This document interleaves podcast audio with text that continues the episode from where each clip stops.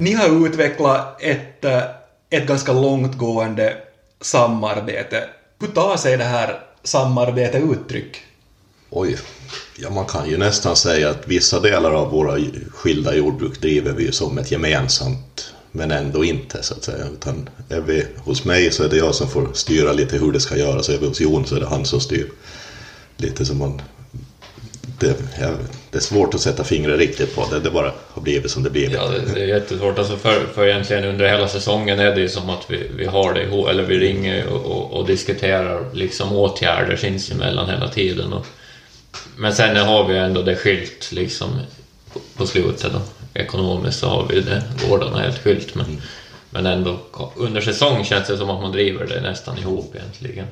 Men finns det saker som ni, som ni absolut inte då delar på? Är det, är det sånt som att det här, det här går inte att, att, att göra så att ni, att ni splittar 50-50? Vi har ju varsin sambo i alla fall så det...